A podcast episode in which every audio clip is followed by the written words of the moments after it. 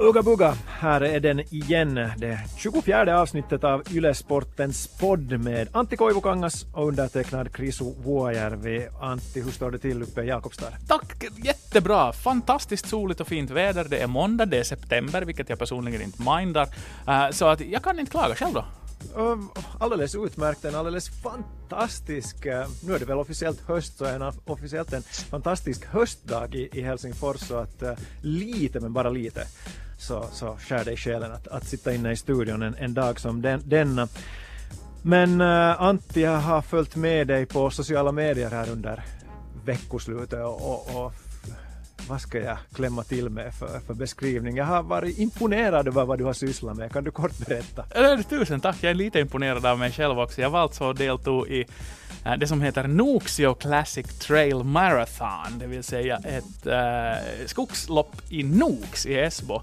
Och äh, det är 42 kilometer och äh, ni som kan ert Esbo vet att den där Nox-terrängen för en österbottning motsvarar typ Himalayas eller Alperna. Så att, att jag har nog plågat mig själv i det som sist och slutligen blev 20 timmar och 21 minuter och delar för att kriga mig igenom det där. Men jag klarade mig före de drog repet, som det heter i Vasaloppssammanhang, det vill säga före liksom målet stängde och, och sen man bara blev sådär att kom också i mål.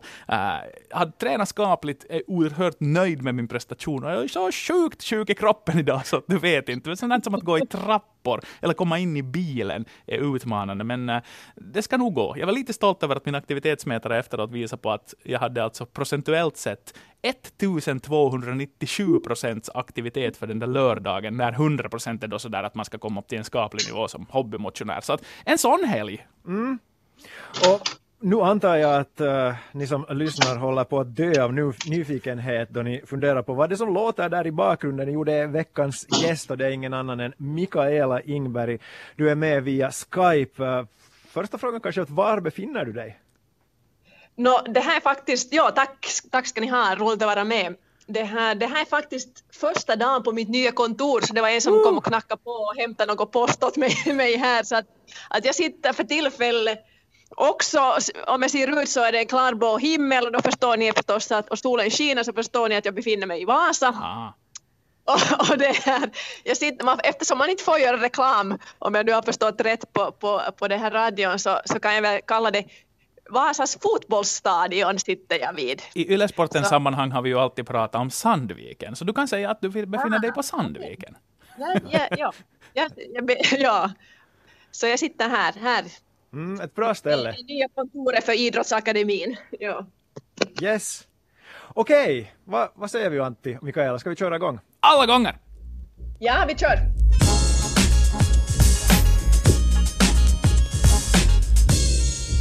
I den här första halvleken av uh, Ylsportens podd Koivukangas Vuojärvi featuring Mikaela Engberg, dessutom en återkommande gäst, vilket är jätteroligt att ha dig tillbaka, så ska vi prata om de stormar som, som funnits kring finländsk friidrott och Friidrottsförbundet. Uh, vi har haft Antti Ruskanens sjätteplats som den bästa placeringen i ett uh, floppkantat EM i Berlin, som ändå har pratats om i ganska negativa ordalag. Sen följde hela Ronja Oja-gate med äh, förbundet som fick ta en massa skit för uh, ojämlikhet i hur man behandlar sina idrottare. Och så har det också pratats mycket om laganda under EM, att den var obefintlig. Det är kanske lite svårt att se idag när man tittar på den där lagandan på friidrottslandskampen i veckoslutet i Tammerfors. Men Mikaela, om vi börjar med dig, som gammal landslagsfriidrottare, mångårig sådan, äh, just i, i den grenen som det har stormat så mycket kring. Med allt det här i bagagen under de här senaste månaderna, hur tycker du att, att, att den finländska friidrotten riktigt mår?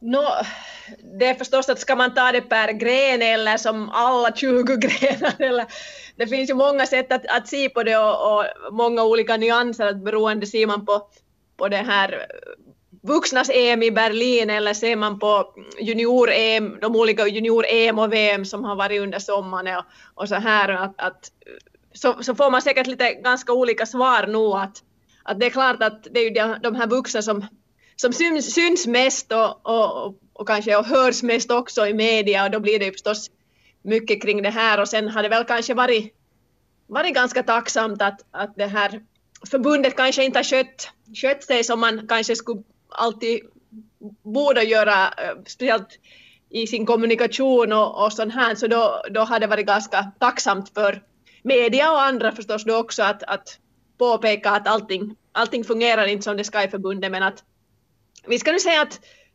att uh, jag håller med, det finns mycket som skulle kunna och, och borde göras bättre och, och ja, jag skulle säga att i alla fall i början av år 2000-talet så, så, så sköttes det, tycker jag i alla fall, bättre att, att det här men att det blir en, intressant höst och vi får ju hoppas att det här för med sig tryck på att, att det måste ske några förändringar också. Men är det så att det är det du efterlyser också som gammal friidrottare? För du säger att det var bättre förr. För jag har ju nog upplevt det som så att, att med så här många bäckar små så, så kan man ju inte bara fortsätta som förr. Det vill säga någonting måste ändras. Something's got to give. Så upplever jag det åtminstone. Ja, det, det var ju mycket, mycket diskussion här i 2010-talets eller 2010-talets början att, att nu blir det förändringar och men, men det här ska vi säga att den nya ledningen har kanske inte riktigt fått, fått den utvecklingen åt rätt håll och, och framförallt kanske inte tack vare eller på grund av dålig kommunikation fått med och förstått fått ut i fältet att, att vad är det man försöker åstadkomma och, och vad är det som ska bli bättre och, och, och så vidare. Att, att där har man nog stort, stort frågetecken och, och det här. Sen så är det ju ganska enkelt egentligen att, att sköter du för det första kommunikationen till idrottarna som vet varför görs olika beslut och, och, och val, varför prioriterar man någonting istället för någonting annat och allt sånt här så, så då kanske det finns förståelse också för det men att, att eh, som helhet så, så nu har förbundet all orsak att se sig i spegeln och, men att, att det här sen då om man vänder på det så som jag ser det så finns det ju i dagsläget också mycket lovande juniorer i många olika grenar. Jag minns skrattade för mig själv faktiskt här och minns att, att jag tror jag var med kanske i en, var det kanske till och med Sportmagasinet intervju 1993 i slutet av sommaren efter junior-EM och, och det här, då minns jag också att det var en, en, någon som, då blev jag intervjuad och, och fick frågan att ja, att finländska friidrotten är inne i en svacka just nu, att, att det här och då hade vi jättefin framgång på junior-EM, att, att ser ni är nu som de nya räddarna av friidrotten. Så det, det tycks som att det, det, det, har varit en sån här nästan pågående diskussion de senaste, kan man säga nästan 20 åren, att, att friidrotten är en svacka, men att, att nu måste man ju konstatera att, att det här, de senaste, ska vi säga, fem sex åren har varit lite djupare svacka då, om man säger att redan på, på, på 90-talet pratade de om en svacka. Mm. Jag, jag, tycker Mikaela, du, du lyfter fram en poäng som jag också vill, vill äh, vidare utveckla. För Uh, någonstans så har vi i, på många håll i Finland fortfarande det här kollektiva minnet hur, hur friidrotten såg ut i Finland vad framgångar beträffar på 70 och också kanske på, på 80-talet. Då var ju friidrotten Finlands nationalgren, eller en av dem åtminstone. Uh, det var kanske den här lägerelden som, som samlade folket i TV-sofforna. Uh, nu för tiden tycker jag att ishockey är nummer ett och, och mätt i antalet utövare så finns det också andra grenar som fotboll och, och innebandy som går, går för före friidrotten. Det, det, är bara faktum. Uh, och jag tycker att det här är värt att, att komma ihåg. Uh, den här massan nu vilken det ska hittas de här diamanterna, de som ska nå den ultimata världseliten, så det, den har krympt. Och, och, då är det väl ganska naturligt att, att antalet världstoppar som finländsk friidrott uh, producerar minskar. Och det här kanske inte allt alltid, är någonting som vi alltid kommer ihåg i, i, i den här debatten. Uh, intresse för friidrotten, det är ju fortfarande väldigt stort. Det ser vi på, på tittarsiffror. Det, det må vara vilken friidrottstävling som helst, stor tävling, elittävling eller Finland-Sverige-landskampen. Men, men uh, vad jag efterlyser, jag kan inte gå ner på, på det, detaljnivå för jag han kan inte hantera det. Jag vet inte vad som sker bakom kulisserna. Men, men jag skulle efterlysa ett, ett system som, som kanske vårdar de talanger som, som finländsk friidrott de facto har fortfarande lite bättre. Uh, resurserna, jo, de är små. Men, men om, om jag ser på det från mitt utomstående perspektiv skulle jag gärna säga att, att tränarna skulle vara en aspekt som, som förbundet och friidrottsfolket skulle fundera på. Kan förbundet och klubbarna uh, göra mer för att idrottarna får sin personliga tränare med sig på ett träningsläge. Om jag uppfattar det rätt så är det inte, så är inte alltid fallet. Och, och, för att göra en parallell så, så ska vi lyfta fram det vad vi gör på finlandssvenskt håll. Jag tycker att SFI friidrotten sköter sig alldeles fantastiskt bra jämfört med vad fallet är på, på många andra håll här i Finland. SFI och SFI-klubbarna vårdar de här talangerna jag talar om i snitt bättre. Och, och resultatet så är ju entydigt. Eh, SFI-föreningen klarar sig exceptionellt bra i till exempel Kalevaspelen. Och, och det här har ju sin tur lett till att, att finskspråkiga idrottare också vill, vill höra till den här SFI-familjen. Så att kan SFI vara en, en, en motor för en, en förändring? Jag tror inte att det, vi talar om, om stora saker som behöver förändras, men, men SFI tycker jag föregår med gott exempel.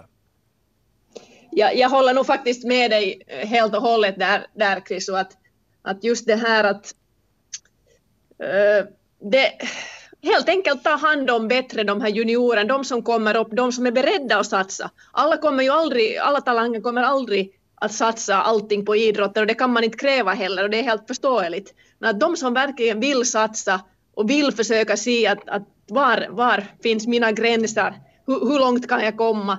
Så de så, så skulle det vara viktigt att, att ge en chans och faktiskt sen ordentligt vara med i, i deras vardag och se, se att, att hur kan man bygga upp ett, ett fungerande system. Och, och, och det här gällande SFI friidrotten så, så håller jag nog också med att, att där kanske då om vi på något sätt att man är lite närmare de här idrottarna och, och kanske tröskeln att be om hjälp eller försöka hitta gemensamma lösningar är, är kanske då betydligt lägre än, än på finskspråkiga sidan och, och, det ser vi som, så, precis som du sa, det ser vi i, i, i frågan om att, att många finskspråkiga idrottare väljer att, att byta till en svenskspråkig förening för att vara, vara, en, vara en del av den gemenskapen.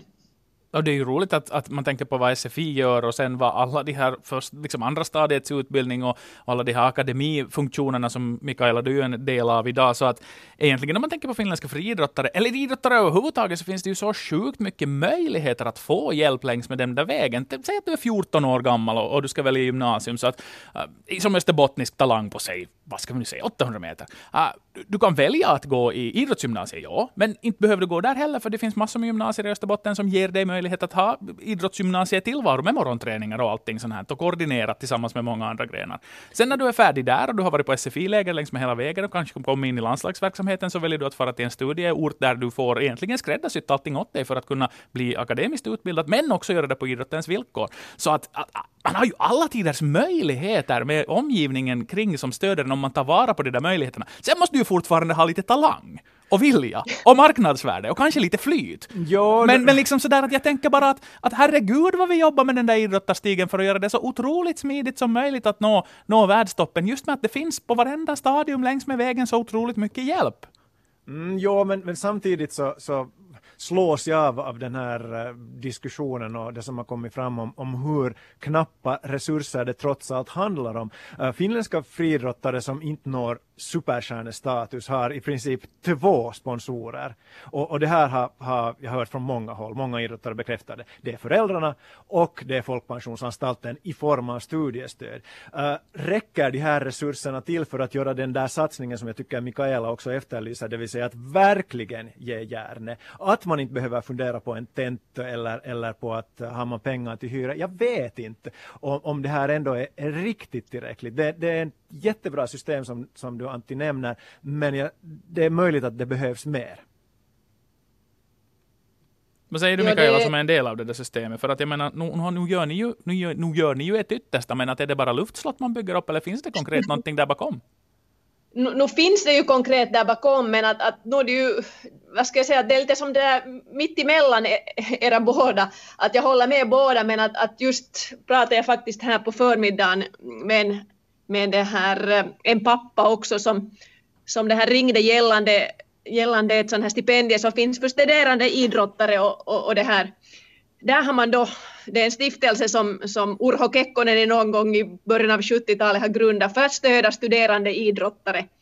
Men i kriterierna finns det då till exempel nämns det att gymnasiestudier inte är, är det här godkända utan utan det kräver eh, andra studier till yrken, yrkesutbildning eller på högskolenivå. Och, och det här, han ringde, han bor inte ens här i området men jag råkar sitta i den här stiftelsens det här styrelse, så han ringde och, och frågade att, att varför tar man bort gymnasiet, att hans son går på ett idrottsgymnasium i Finland och det här har valt att åka dit, flytta bort hemifrån. Uh, I dagsläget så ger inte folk, Folkpensionsanstalten någon slags understöd om du inte är 18 år, vilket betyder att två första åren på gymnasiet, du bor borta hemifrån, du har hyra, du har matkostnader, du har kanske träningskostnader som kanske kommer upp i en till och med 500-600 euro på en del ställen beroende på hyresnivån, lätt i huvudstadsregionen på ännu högre. Och, och du får ingenting egentligen från Folkpensionsanstalten förrän du fyller 18. Och, och det här där är kanske då en, ett exempel på att, att det finns alltid någon som det blir fast i, i föräldrarna då att, att hitta mm. den här finansieringen på, på kanske 500 euro i mån per idrottare. Du kan hända att du har flera barn som idrottare så det gäller, gäller ännu fler. Och det är klart att, att tyvärr så kommer ju sen i något skede pengarna också in i spelet men att, att själva systemet finns men sen att, att hur kan vi hjälpa dem, hur kan vi hitta lösningar så att man också kan se, se till att, att det får inte vara fast i, i, i de här föräldrarnas plånbok alltid att kan en idrottare faktiskt välja att, att göra en satsning och, och flytta bort hemifrån och söka sig till ställen där de har proffs eh, och, och landslagstränare som, som har ansvar för, för den vardagliga träningen redan i, i gymnasiet. Allting är ju lite liksom Kekkonens fel här nu. Så där i grund och botten. Vi skyller på Urke. Han var väl friidrottare själv? Var inte han bra Verkligen. på höjdhopp? Alltså, oh, han var vilken fen han var. Jag tror han var höjdhoppare faktiskt. Ja, ja, ja. Men det där, det, pengarna är en, en jättestor bit av det här, det, det, det stämmer. Och det, vi kommer inte omkring det. Nej, och det gäller ju inte förstås bara friidrotten, att vilken sport som helst, att, att är du alpinist så in, inte det många ställen du kan bo i, i Finland eller i Norden ens om du vill satsa mm. på din gren redan i, på andra stadiet och, och vill åka till ett idrottsgymnasium till, till Gällivare eller till, till någon annat ställe i, i Vuokatti i Finland så det kräver, kräver ju otroligt stora satsningar för, för de familjerna. Det är sant. Det är sant. Uh, om vi lämnar pengarna här och konstaterar att det inte finns, det är väl den kontentan, så, så tar jag gärna fasta på det här med laganda, för att jag minns Mikaela dig som en, som en idrottare som inte bara var väldigt fokuserad på det du gjorde själv, utan också väldigt mycket uh, på, på det som andra omkring dig gjorde. Och, och om jag nu inte har helt fel, så var du väl nog i, i liksom, så att säga, kaptensrollen i, i landslagssammanhang när det begav sig till Finland-Sverige. Hur har du följt den här diskussionen på, på den non-existenta lagandan i den finländska EM-truppen till exempel? För att uh, nu, är, nu fastnar vi i det där diket att allting var bättre förr. Men, men, men lite så upplever jag kanske att det var. Ja, alltså, ja, jag, jag fungerar väl än, jag har nu inte räknat, kan det, kan, kan det vara närmare, inte nu riktigt tio år, men kanske nu 28 år fungerar jag som, som landslagskapten på damsidan och, och det här. Det är klart att, att, att man kanske inte riktigt rakt av kan jämföra finkampen med ett, ett stort mästerskap. Men att, att nu skulle jag säga att, att det kommer ju mer automatiskt när du har en jättestor grupp och, och just i, i en landskamp där du inte behöver på sätt och vis fundera på resultat utan du funderar bara på att slå vissa idrottare, att du ska placera dig bättre än den andra.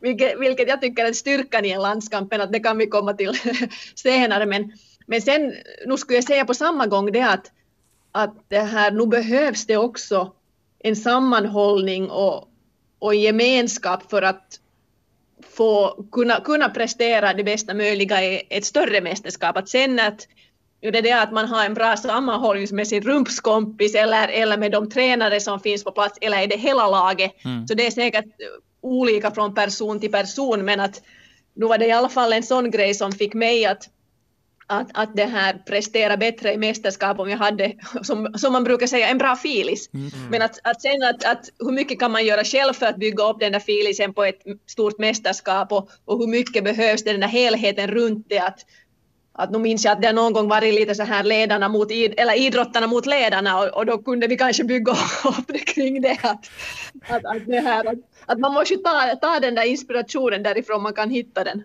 Mm. Ja, då jag läste vad, vad, vad det Sanna Kämäräinen, Kristina Mäkel och Annie-Mari Korte så var jag nog ganska förbluffad och jag vill betona det här att jag har ingen orsak att, att betvivla på mm. vad, vad, vad de ja. sa i den här, här artikeln för, för Yle Urheilu. Uh, för, för jag trodde faktiskt att det är en ganska självklarhet för ett friidrottslandslag, om vi ändå kallar det i samband med ja. ett EM då Finland hade var det 40 idrottare på plats, att man satsar på trivsel och att man satsar på, på samvaro en del.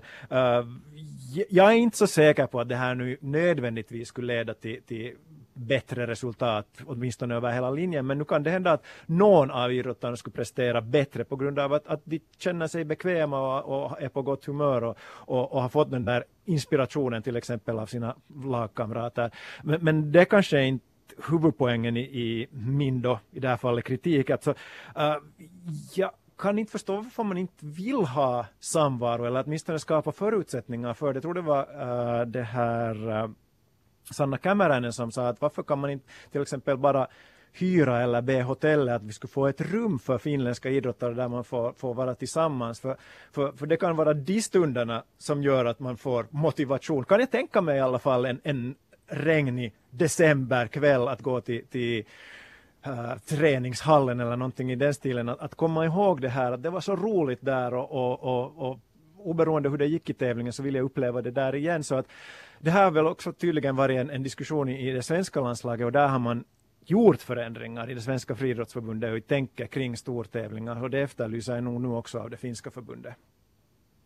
Ja, där, där ska vi säga att, att till exempel redan på, på det här juniormästerskap eh, där det antingen så att, att det är många olika grenar, de ligger då oftast under, under det här olympiska kommittén, men redan där till exempel för tävlingar där du är allt från 15 till 17-åringar till exempel så, så satsar man ju jättemycket just på den här sidan och, och att man har, jag tänker ju säga det att, att det är ju inte något svårt att, att boka ett extra rum och använda det som sin lounge eller, eller kafferum eller sånt här att idrottarna om inte vill sitta för sig själv på rummet så kan de gå, gå till det här rummet och, och sitta tillsammans med de andra till exempel och se på tävlingarna på TV eller, eller just gå på en kaffe eller sitta och spela lite kort eller, eller vad man nu hittar på men att jag, jag skulle nog säga att, att förbundets största ansvar är ju att se till att de här möjligheterna finns. Inte kanske vara den som funderar på att okej, okay, vad ska vi ha för program idag, utan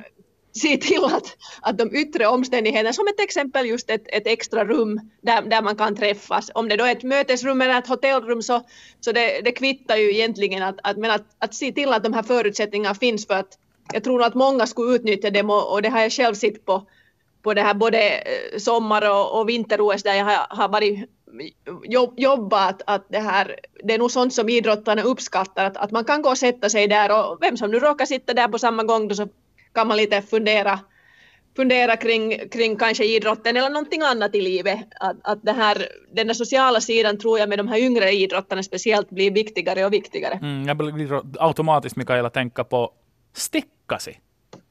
Om du minns ja, det. Vilken fantastisk grej! Billigt, ja. engagerande, grymt genomslag i sociala medier och, och bara liksom någonting som enade truppen. Man enades kring någonting så banalt som att sticka. Blev det inte en filt typ åt, åt, åt presidentarvingen? Eller någonting sånt här som de sista slutligen utmynnade i. Det vill säga, det var, det var ju fantastiskt enkelt och det mm. behövs ju inte enkla medel. Det, och det och vilken PR-seger Exakt, det, det handlar ju precis som Mikael mm. säger om att skapa, skapa förutsättningar. Hej, uh, medan vi ännu pratar här om den finländska friidrotten så, så uh, jag, jag hade nog en, ett, ett gåshudsögonblick. Förstås hade jag ont i hela kroppen där jag satt och tittade på det här, det här avslutande 1500 meters loppet. Men, men jag såg inte så mycket på tävlingen. Jag såg att det gick vägen där, men jag tittade inte på innerplan och såg det där engagemanget kring ett ja. lopp och, och såg de där idrottarna, kamerorna framme och, och, och liksom, så då fick jag liksom gåshud att jag var med på några av de här friidrottslandskamperna då, mitten på 00-talet i Göteborg bland annat och, och, fick uppleva det där på ort och ställe. Och, och nu var det ju så sjukt häftigt sent på säsongen, alla kompisar samlade, bankett på kommande och en sån där duell då dessutom i slutet som gick hemmalagets väg. Så nu blev det ju sådär, lite förvånad när man sen läser äh, Mats Wennerholms text äh, under rubriken ”Lägg ner skit” budgeten. Karno är ju inte ens där igen heller. Uh, jag menar, vad, vad, vad, vad, ska vi säga om Mats? Ska vi, bara, ska, ska vi låta honom hållas bara? Alltså jag, jag, jag, jag, har inte läst den där, men jag har sett lite kommentarer, men, men jag är nog nästan 100% säker att, att han har nog bara sitt fredagen. Och, och det här utmaningen oftast med landskampen har ju varit det att i Finland har man länge funderat, ska man ha den fredag, lördag? På två kvällar eller ska man ha den lördag söndag så att det är lördag kväll och, och, och söndag förmiddag eller dag. Och, och, det har gått lite från och till och, och alltid är det sämre med folk ena dagen och bättre med folk andra dagen. Och, och det här nu, nu måste man ju medge att, att nu var det ju ganska stor skillnad om man jämför fredag eller lördag, men jag, jag kan nog också nästan slå vad att om Mats skulle ha varit på plats på lördag så tror jag nog han kanske inte skulle ha skrivit den här utan jag, jag är ganska säker på att han, han skrev den efter att vad han såg via tvn efter fredagens tävling. Mm. Mm. Jag kanske ja, han är ju ute för att provocera och, och, och sälja sin ja. tidning och få klick så det, det, är helt, det, det, ska han, det ska han i princip göra, det är hans uppgift. Uh, och han är en mästare på att pro provocera. Uh, vi är väl överens om att Sverigekampen inte ska läggas ner, men däremot så kanske i, uh, i skuggan av den här stormen så tycker jag faktiskt att, att vänner de har en del poänger som är värda åtminstone att fundera på. Mikaela, du är inne på, på en av dem, det vill säga att, att är det här optimalt med fredagskväll, lördagskväll? Jag skulle gärna gå i framtiden med, med min son, men tills vidare det är många år innan jag kan gå med honom på en kvällstävling. Så att, så att man ja. äh, drar undan mattan för, för barnfamiljer med, om tävlingarna slutar först klockan tio. Sen kanske jag också håller med honom om att själva tävlingen och sändningen och, och, och, det hela kunde kanske lite mer ännu komprimeras. Att den, den stundvis så, så hände det ganska lite. Nå, sen, sen det som jag reagerade kanske allra mest på i negativ bemärkelse då jag läste hans kolumn var det att, att uh, han säger att Finland och Sverige satsar för mycket på bredd och att det skulle vara på spetskompetensens bekostnad. Och det kan jag nog väl inte, inte hålla med om. Uh, Kackapelles rullor som vi brukar konstatera med, med, med Kai Kunnas. Eh, jag, jag, tycker inte att de här utesluter varandra. Och, och som jag var inne på så, så inte har vi sådana resurser i Finland att det skulle satsas på stor front på, på en jättestor bredd i Finland utan det är som konstaterat det är Folkpensionsanstalten och föräldrarna som, som är stora finansiärer. Och ska man säga att de att nej, satsa istället på den här Oliver Helander, det, det, liksom, det faller bara platt hans resonemang i mitt tycke. Ja, jag håller med. Jo, jag, jag håller nog också med att jag har svårt att se att, att, att jag, jag, tror inte Oliver Helander får mindre pengar fast man arrangerar finkampen för, med tre representanter i, i, i det här alla grenar. Att jag tror tvärtom så är det någonting som, som sporten i, i sig själv och, och framförallt också de idrottare som ligger på nationell nivå det är viktigt att, att, att de har också någonting som man satsar mot. Att I dagsläget så, så ha, har um, gränserna både till EM men framförallt då också förstås VM och OS så de har hela tiden skärpts. Och, och om jag nu till exempel tar damers spjut så, så det här i år krävdes det 59 meter för att komma med till Berlin när man för två eller fyra år sedan behövde 56 eller 57 meter. Att, att det här är också någonting som man ska komma ihåg att, att om man börjar att, att enbart satsa på de som har möjlighet till mästerskap efter att kraven har höjts ytterligare internationellt där, så, så då tappar man nog väldigt stor, stor, stor grupp idrottare. Mm. En sak som Wennerholm också lyfte fram där var ju den här, det här case Daniel Ståhl, att det var så fullständigt löjligt att han kommer dit rakt från, från Diamond League och kastar ett kast och, och, och, och totaldominerar. Jag tyckte det var nästan den skönaste biten av hela Sverigekampen. Det vill säga att han gör det. Mm. Att de från förbundet rådar dit honom och han, han är på fantastiskt humör då han kommer. Och då jag såg sändningen så visste jag inte ens om alla de här problem han hade. Jag vet inte om vi hade bort ljud eller vad det var, men att, att liksom, han kom in bara dit och gled in på festskorna och hippade 68 meter och sen var som sådär, när är festen? Att liksom den där betydelsen också för att vara en del av någonting större i friidrott där du är så ensam under de där morgonpassen, under de där långa nötningarna. Eh, att få kunna komma dit och faktiskt få tävla. Och då, han kommer från världseliten med taxi från Helsingfors rakt till Tammerfors och flygs in från Diamond League. Och sen har du en junior som gör sin första tävling någonsin och får smaka på den där hetluften och känna att wow, det är det, det här jag vill sträva till. Det som då är skit för Daniel Ståhl, helt onödigt att göra, så är kanske det största som har hänt den där unga idrottaren som sporrar den att satsa vidare. Att det, är som, det är som så mycket ingredienser i den där soppan som gör att, att jag tycker så mycket om den. Och sen är det ju lite slow-tv över det också. Klart att det är långt och utdraget, men ta nu svenskarna som är helt störtkära i Vasaloppet. Mm, Herregud!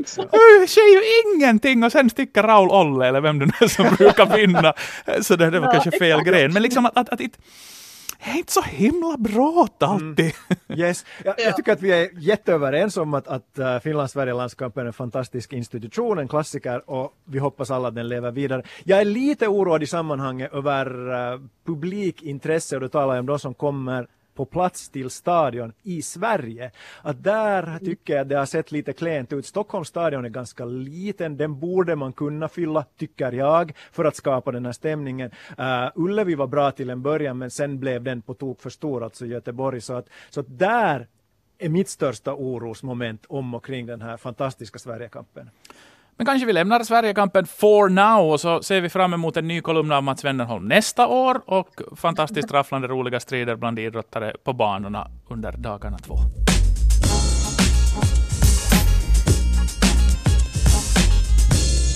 Vi går vidare med andra halvleken. Precis som förra veckan så tar vi pulsen på tre aktuella idrottsliga frågor och precis som förra veckan så inledde vi med Kimi Räikkönen, vem annars? Uh, Kimi var ju nära att ta sin första Formel 1-seger på, vad är det, långt över fem år igår i Italien, men han slutade två bakom Lewis Hamilton. Nå, nu gör starka rykten gällande att Kimi inte får fortsätta i Ferrari, att han kommer att ersättas. Och, och min fråga till er är, hur mycket förlorar Formel 1-världen om Kimi slutar eller ens byter till ett mindre, ska vi kalla det, fashionabelt stall. Jag hoppas innerligt att han inte byter till ett mindre fashionabelt stall, utan ska, är, det, är det slut på Ferrari och man knackar in på de levnadsår som han gör just nu, så då ska han bara, då ska han bara ta sin rock och gå. Uh, jag tycker personligen att nu är det ju en profil uh, fattigare den där serien blir. Och inte bara ur finländsk synvinkel. Nu har inte jag hunnit läsa den här boken som har hyllats till höger och vänster ännu, men det kommer jag att göra för att det är en fascinerande historia. Och det är en sån personlighetstyp som, som den där grenen behöver. Och, och, och det som störde mig igår när jag tittade på det här loppet och konstaterade att, att det skulle ha varit, det skulle varit så otroligt poetiskt att han skulle ha fått vinna där på hemmaplan inför alla tifosin och visa att han är nog en otroligt bra racerförare, som vår expert skulle säga. Uh, men, men att han inte fick göra det nu ger mig liksom den där oron, den kryper in i mig att han kommer att lämna, lämna planerna som bara med, with a whimper istället för with a bang. Han har ändå varit på podiet 100 gånger men liksom bara 20 av dem högst uppe. Det är lite för få segrar och framförallt med tanke på att det är januari 2013 han har vunnit senast. Gå och vinn en tävling och sen smäller du fast dörren och säger ich habe fertig och så njuter du av pensionsstunderna. Det är liksom min förhoppning, för då blir det en legacy att förvalta. Jag skulle hoppas att faktiskt att inte han ska fade away, utan att han ska burn out med en triumf här på slutet. Ja, jag, jag, jag tror ju nog och hopp, hoppas också att, att, att det är lite antingen eller, att, att, och på något sätt han har ändå varit med så pass länge att jag tror att om Ferrari säger att, att nej, nu, nu, nu fortsätter vi inte, tyvärr, du får inget nytt avtal, så, så då skulle jag också som sida att, att det är nog ett bättre alternativ att säga att okej, okay, tack och adjö, att, att det här, men jag tror att, att det är nog inte många som, som inte har sett åtminstone en, en 5-10 memes eller, eller motsvarande intervjuer eller eh, parodier eller, eller annat på honom under åren och, och det här, kanske till en början så tyckte vi alla att, att kan han nu inte börja prata lite tydligare och kan han nu inte svara lite det ena och det andra. Men att, att det är på samma gång lite det är ju precis som ni säger att, att det är en personlighet till i, inom grenen och, och det är hans, hans sätt att vara och, och det har ju blivit en egentligen han har fått smeknamn med Iceman eller, eller vad, vad han har också via det att, att det han kanske inte så så, så det här långa ut, utföranden och kommentarer och spekulationer utan det är ganska sådär rakt på sak när han uttalar sig men att, att det här, man har ju ändå som sett nu att och han kunde bevisa med, med det här pole position här in, inför tävlingen också att det finns kvar ändå där. Mm. Det finns där och, och, och, han har väl kanske som känns nästan som att han som hittar lite som börjar hitta tillbaks till det så det skulle vara synd om inte Ferrari erbjuder ett fortsatt avtal, men att, att om de inte gör det så, så hoppas jag nästan också så att han säger att auf Wiedersehen, bis später. Mm. Nu har ju någonstans den där sista mohikanen i ett led av eh, personligheter i Formel 1 som från James Hunt till Nigel Mansell och till och med Keke Rosberg tycker jag var en mm. stor profil i sina tider. Så att, så att eh, nu är det väl en slutet sen på, på en era av de här profilerna då han lägger av. För jag ser, de är så, så pass formaterade de här yngre förarna, de vet hur de ska bete sig, de, de har sina färdiga svar som kommer från ett kassettband från, från ryggmärgen. Så att uh, visst blir Formel 1 tristare utan Kimi tycker jag, för att uh, igår var, var första gången på länge som åtminstone jag tittar på ett lopp och var nervös. Samma här. Var så oj, tänk om han vinner och vad, vad roligt det på något sätt skulle vara. Men, men, men ehm, det om det tycker jag. Vi Ja. har, vi har Kort avklarat- referens bara till, till Ja. Kimi, för jag kom att tänka på det, det blev alldeles nyss här klart så jag på sociala medier, att, att Zlatan ska komma ut med en till självbiografi. Och, och det, det är lite samma sak där liksom med Kimi, att är den där sista mohikanen, en, sån en sann profil. Uh, hans första bok hette ju Jag är Zlatan, och jag tycker den här pretto-titeln på tvåan som han skriver tillsammans med Mats Olsson är ännu bättre. Vet ni vad den ska heta? Nej. Jag är fotboll. Okej. Och sen tror jag ju att trean kommer att heta Jag är färdig när den sen kommer ut. Men jag tycker det är Så- liksom så vi intressant. Yes. Vi får vänta på de memes, om den heter på engelska I am sucker. Men hej, det där var en bra åsnebygga för jag tänkte eh, att vi skulle fortsätta att prata fotboll. Finlands fotbollsdamer, även kallat ibland Helmarit, miste ju dessvärre sin chans att, att nå VM då man föll i fredags stort borta mot Spanien. Eh, det här är cheftränaren Anna Sinjöls första kval och det i och med det nästan över en match återstår borta mot Österrike. Men sådär mer allmänt om vi talar damfotboll i Finland, är det mer moll eller dur just nu? Min symfoni är ganska blandad för tillfället så tillvida att det har, blivit, eh, det har uppstått en svacka mellan framgångsåren och de framgångsåren vi är på väg tillbaka till som inte skulle ha behöva uppstå om man skulle ha varit lite snabbare och reagera inom finländsk damfotboll, eller framförallt flickfotboll. För på flickfotbollssidan så går det så otroligt bra. Eh, vi har ett VM klart U17-landslag. Vi har eh, 19-åringslandslag som på allvar i en EM-kvalturnering eh, utmanar Frankrike och faller bara knappt mot Frankrike. och, och, och kan liksom konstatera att, att de är jättebesvikna för att det inte blir en slutspelsplats, det vill säga ambitionsnivån har höjts sedan länge. Uh, tekniskt taktiskt så är de här tjejerna på en helt annan planet än vad de var för några år sedan då flickjuniorer hade massor, men det fanns inget tydligt fokus. Nu finns det det. Och bara som exempel så spelar vi till exempel våra tioåringar för tillfälle uh, eh, distriktsserie och möter där bland annat flicklag som spelar då ett år äldre flickor med oss och tidvis spelmässigt så spelar de här tjejerna skjortan av våra pojkar out taktiskt tekniskt. Det vill säga att de är bättre fotbollsspelare. De är färdigare fotbollsspelare redan som 11-åringar än vad våra 10-åringar. Och det ger mig hopp framförallt om att vi ska tillbaka till en topp, men vi måste, vi måste tillbaka till EM och till EM-slutspel och, och den nivån, för att VM-öglan börjar vara ganska tajt. Det är 24 lag med i ett VM-slutspel och där 8 till 9 platser från Europa är tillgängliga, så är det oerhört svårt. Men EM har vuxit till 16 lag och ett EM står bakom knuten den 21, eller den 21, 2021 ska jag säga, och världen väljs i december bland en ansökande, det vill säga EM kommer att gå i England. Uh, och dit ska Finland. Därom råder ingen tvivel. För nu är det, nu är det färdigt ramsat. Nu ska, nu ska den där nivån höjas tillbaka där den ska vara. För att med de här massorna som kommer bakifrån nu på tre, fyra år, uh, nyckelspelare som kommer vara i bra åldrar och hoppeligen i bra klubbar också, så, så finns det hopp.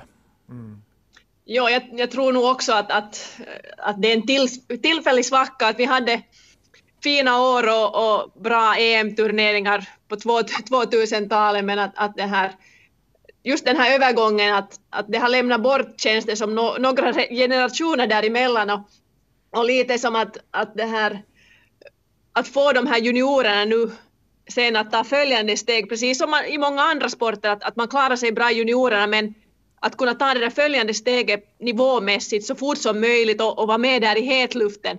Och, och det här, redan det så tycker jag har varit positivt att, att nu har man ändå under sommaren nästan regelbundet sett, sett några nyheter om finländska damspelare som, som har gjort a, nya avtal utomlands. Att, att om man nu tar Adelina Engman till, till det här, var det väl Chelsea och, mm. och, och det här, no, Hyryläinen har, de har, hon, hon har ju varit, eller Hyryläinen har tidigare också Juventus, men att andra också som har åkt till, till Italien och, och så här. Och, och jag tror att, att via det här plus att vi har de här juniorframgångarna så, så kommer det att bli en, en väldigt bra blandning av de här som har erfarenhet men också de här unga som kommer hungriga och vill vara med. De har spelat redan VM. De, de ser som inte EM som det är helt självklart för dem tror jag i deras huvud i dagsläget att de kommer att vara med i. Och, och då är ju alltid den här mentala sidan också att, att, att det är självklart, hej, klart vi kan, vi kan pressa Frankrike eller, eller de andra länderna. Det är kanske som,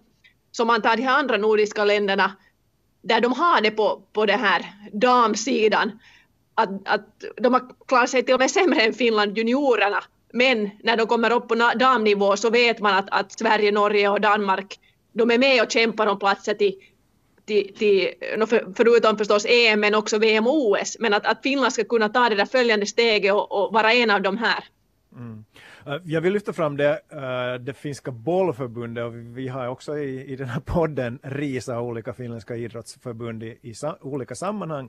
Friidrottsförbundet fick sig en känga här tidigare i podden. Men, men bollförbundet gör nog en del saker rätt i det här sammanhanget för att lyfta damfotbollen. Dels så tycker jag nog att den, den signalen man har haft länge, det vill säga att man satsar på meriterade chefstränare för damlandslaget, André Jäglert och nu Anna Signal, det är en sak. Men en viktigare i sammanhanget, och det har inte fått särdeles mycket uppmärksamhet, är det faktum att, att bollförbundet, jag vet inte vad jag ska kalla det, sponsorerar, betalar eh, del lön för eh, finska talanger som inte annars skulle komma utomlands till större ligor för att uh, de här, uh, det är ändå småpotatis fortfarande damfotboll i, i länder som Italien och så vidare. Så att uh, för att vissa av de här finländska spelarna ska komma ut till, till Italien till exempel så betalar man en månatlig summa i lön helt enkelt mm. då, för att de ska ha råd att leva och spela där proffsigt. Och det tycker jag är alldeles fantastiskt och att man har de resurserna och sätter de här resurserna på det så är bra. Mm. Det är ju lite lik med vad madamhockeyn har gjort. Mm. Och det är fantastiskt bra att man väljer en kärntrupp och satsar på de där kanske mera seniorspelare. Men det, det, är bra att du lyfter fram det där, för den resurseringen behövs också. För att det är ingen självklarhet att man, när, även om man skriver på för Chelsea, så är det inte som sådär att man inte kan göra några planer för resten av sitt liv. Man kan inte liksom, skulle vi ha haft en 25-årig kille som skriver på för Chelsea med ett mångårigt kontrakt, det skulle vara ganska lugna puckar, sådär mm. på lång sikt. Uh, det gäller inte Adelina Engman, även om de har oerhört bra förutsättningar, framförallt att utöva sin idrott. Så att, att det är bra att de här stödfunktionerna finns också, det håller jag med om. Mm. Hej, eh, alldeles eh, kort ännu här. En av veckoslutets snackisar eh, var det faktum att Jokerit är rasande på tidningen Helsingin Sanomat. Orsaken är att Hesari hade på pärmen på sin månadsbilaga kokausi lite, en redigerad bild på Jokerits logo. Om ni inte har sett den så, så ser den ut ungefär som följer. Det är Jokerits logo och i mitten av den så finns Vladimir Putins ansikte inklistrat, bildredigering alltså. Men, men om vi struntar i den här logodebatten och istället fokuserar på det som var pudelns kärna i själva den här artikeln, det vill säga Jokerits ryska bakgrundskrafter och vad de har för tentakler ute i den ryska politiken och den ryska eliten. Uh, vilka tankar väcker det här nu? Är det fem år sedan Jokerit uh, tog steget till, till KHL, vad säger vi? Jag är nog mest bara förbryllad. Äh, ett, fan, en, en, en hommage, en eloge till Sami Sillanpää, författaren till den här artikeln.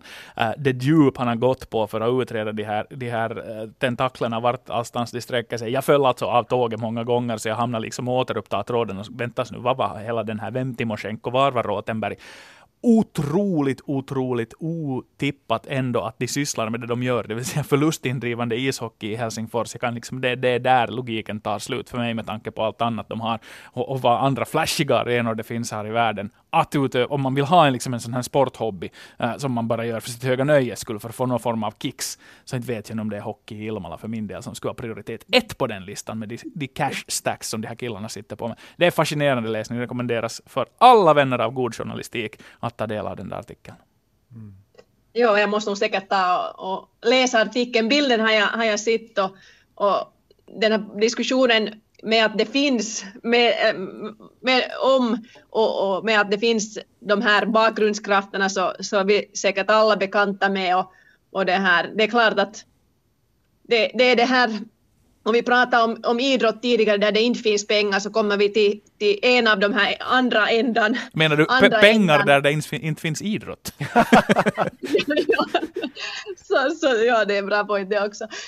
Så, så det här, att då, då, ser man att, då ser man ju också att vad det är som styr. Att, att det, när det enda i princip, lite för att generalisera, men att, att det, här, det som avgör så är pengarna. Att man brukar kanske inte säga så att vad finns bakom de där pengarna så jätte, jättemycket då att, att då är huvudsaken att de kommer in. Men sen är det ju en, intressant, precis som Antti sa, att, att hela den här helheten med att, att man går på minus många, många, många, många miljoner varje år, men fortsätter med det.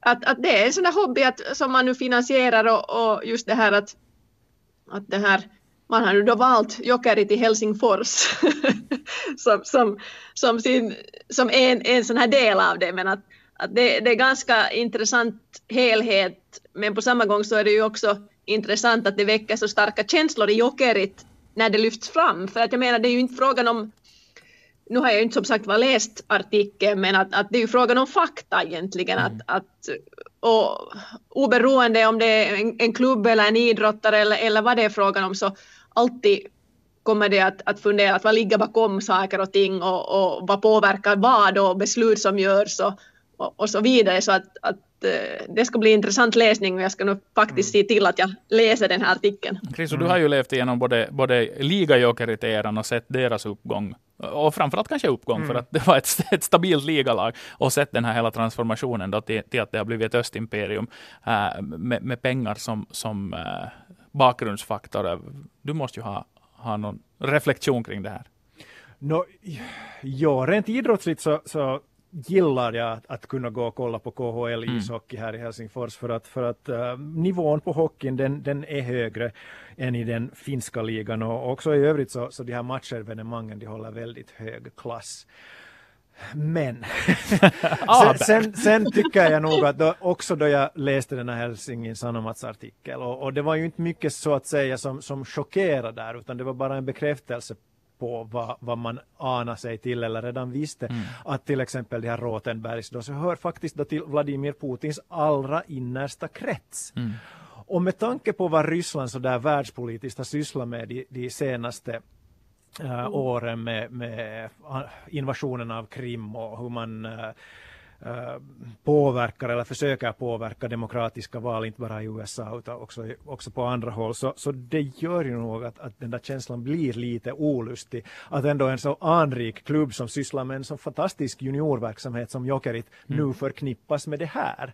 Så Samtidigt så det bör ju sägas då att det här ekonomiska så nu var det ju ett ok för Jallis Harkimo som var ägare att uh, Jokerit har inte varit en kassako på väldigt länge, mm. inte egentligen sedan man flyttade till Helsingforsarenan. Så, så någonstans så där ekonomiskt så har jag en stor förståelse för att han, han på så sätt ville lämna skeppet, att han inte har längre det här ekonomiska ansvaret. Ja.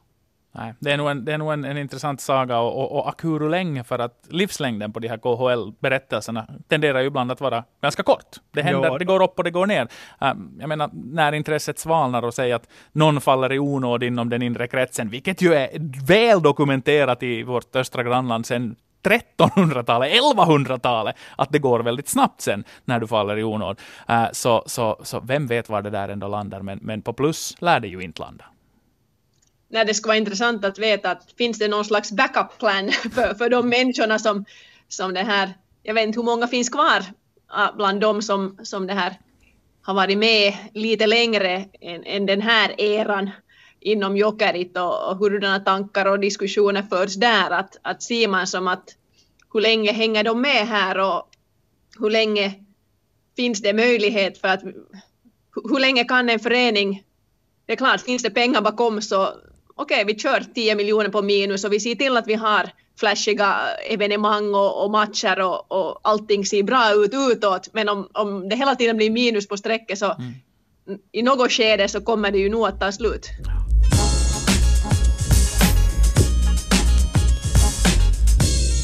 Också den här podden kommer i något skede att ta slut, precis som ni gör varje vecka. Avsnitt 24 lyssnar på Mikaela Ingberg, gästar Chris Vuojärvi och mig själv, Antti Koivukangas. Avslutningen är klassisk, den är den vanliga, det är de tre snabba frågorna och korta svar på dem. Eh, jag tar mig friheten att börja här och eh, konstaterar att eh, ni får välja mellan tre alternativ. Vem av de här tre skulle ni helst ha varit? MacGyver, Maverick från Top Gun eller Marty McFly från Tillbaka till framtiden? Det här är ett ganska enkelt svar för mig. MacGyver, ta, ta, ta, ta, ta, ta, ta, ta, ta, och så vidare. Tänk, tänk vad häftigt det skulle vara om man skulle kunna vara på fester eller i vardagen bara. Man skulle kunna lösa de mest kinkiga situationer med hjälp av vad ska jag hitta på? Kanske lite Jesus-tejp, ett par GM och fast en burk med läsk. Så herregud, vilket liv man skulle ha. Ja, jag måste nog faktiskt också välja MacGyver här. Jag, att, att, jag tycker annars också om lite en sån här förkärlek för problemlösning. Så att, att det här, fastän Maverick, jag menar han kommer och vinner sitt motsvarande OS-guld och fixar, fixar hem allting men att alltså här i långa loppet så, så absolut nog MacGyver för att problemen tar ju, i vardagen tar ju aldrig slut. Vitsi Mikaela, nu måste jag nog kolla dina historiska fakta här. Talar vi om samma Maverick nu? Jag tänker alltså på Tom Cruise, Hahmo i Top Gun. Ja, det, det är nog... bara, så, bara så vi är överens. Nej, jag är övertygad att... Jag, jag, minns inte om han vann beachvolley-matchen eller inte i, i Top Nu är vi på rätt. Nu är vi på rätt, ja. Bra. Playing with the boys. Uh, jag är ju själv som historiker benägen att välja Marty McFly. Alla gånger. Uh, lite, lite sådär en, en DeLorean på gatan och en sväng till, till det här, till egentligen vart jag vill. Det, det, det skulle fascinera mig. Men bra svar av er också, men jag tror faktiskt att till alla problem som MacGyver hade på 80-talet, så det finns en app för det nu för tiden. Utmärkt. Oh, det måste man kolla. Ja. Kriso, din fråga yes. den här veckan. Uh, det pågår en debatt i verkar som om i hela Europa, men framförallt på, på sociala medier och, och, eh, om huruvida sommartiden ska slopas. Vad tycker ni? Är ni redo att kasta systemet i sopkorgen, det vill säga att man två gånger per år måste flytta klockan? Jag kan väl kanske börja och säga att alltså jag har ju som inte någon skillnad. Nu skulle jag säga att det förenklar vardagen. Inte märker jag varken när man byter till sommar eller tillbaka till vintertid att att det blir så där jättestor skillnad i, i vardagen så att, att förenkling av vardagen och jag säger ja. Jag skulle tidigare ha sagt att ja, gärna, för vi körde en japansk bil förr där jag inte kunde ändra klockan. Vilket gjorde att vi hade klockan rätt i bilen. Var det här den där bilen som kallades Ove? Uh, nej, Guld-Ove kom före. Det här okay. var Steve the Silver Bullet. Och han hade fel tid halva tiden av året. Men nu när vi har bytt upp oss då till Baltasar så har det här problemet löst. För mig är det, nu är det faktiskt helt egalt. Skulle du ha frågat mig i fjol så skulle jag ha sagt att jag slog på absolut så har vi rätt tid i bilen alltid. Men, men jag, jag, jag sållar mig till ej och Sanoa-kategorin. För de som bryr sig, låt dem fatta beslutet. Jag mm. ställer mig efter dem. Ja, jag tycker om era svar här, för jag har själv varit sådär små förbluffad över att den här, den här frågan väcker så stora känslor. Att uh, har vi faktiskt inte större problem att, att debattera i, i, vårt land. Men, men det om det, så om, om jag måste svara någonting så, så säger jag att jag älskar de här ljusa sommarkvällarna eftersom jag är mer en kvällsmänniska. Så om, om man beslutar att slopa sommartiden vilket jag inte bryr mig så hemskt mycket. Så då hoppas jag att Finland går över till den här centraleuropeiska tiden för att jag hellre då i så fall har ljust på, på kvällarna än, än har ljusa morgnar. Bra sammanfattning. Jag håller med. Jag håller med. Mikaela, du är dessutom nu den här sköna typen som, som, som, som helt har pantat på all form av förhandsinformation från, från ja, oss andra. Så vi vet absolut ingenting vart det här barkar. Senast handlade det om golf, det minns jag. Ja, ja nu, nu tänkte jag som så att, att det här, eftersom jag nu då ändå är, är före detta friidrottare så, och det övergångsperiod blir kallar man den oftast september som så här när tävlingssäsongen börjar ta slut och, och man kanske har några veckor och, och kan ta det och göra, göra lite vad man vill med tiden och, och, och det här. Och då kommer man sådär osökt fram till att, att det här, då kan man också äta lite, lite mer fritt vad man tycker om och, och så här. Och då är frågan till er, sött eller, sött eller salt? sött sju dagar i veckan och två gånger på onsdagen.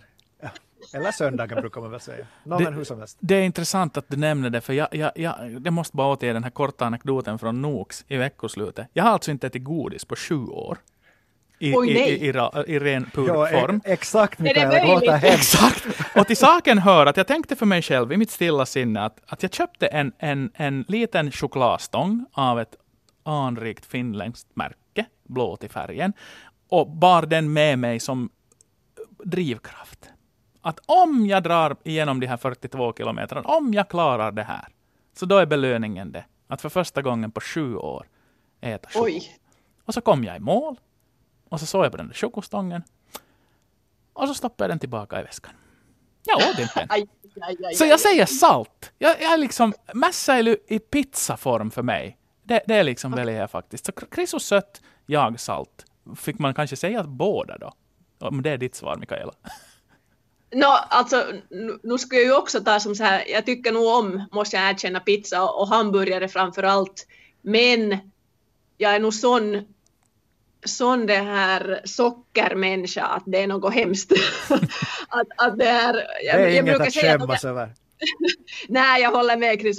Jag brukar säga att om inte jag skulle ha varit idrottare skulle jag säkert ha levt på godis, men att, att när man är idrottare så måste man äta lite mer hälsosamt. Men då jag hade mina skräpdagar en gång i veckan, oftast på träningsperioden och lite mer då under den här övergångsperioden, så då var det nog framför allt sött. Vitsi, vad bra. Så med andra ord, så, yes. så nu sitter ändå sötisarna, alltså friidrottarna, och, och mässar hela, alltså är det hela september man får dra?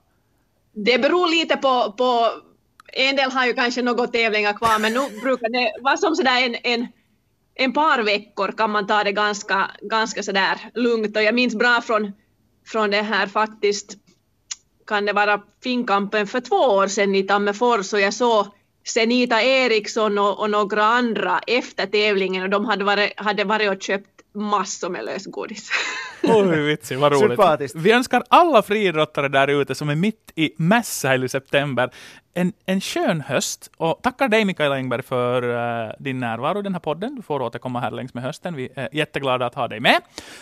Tack för att jag fick vara med. Och så konstaterar vi som vanligt att uh, tack för att ni lyssnat där ute. Ni hittar oss på Yle Arena naturligtvis, men också där poddar bor till exempel på iTunes och på Spotify. Vi hörs igen nästa vecka.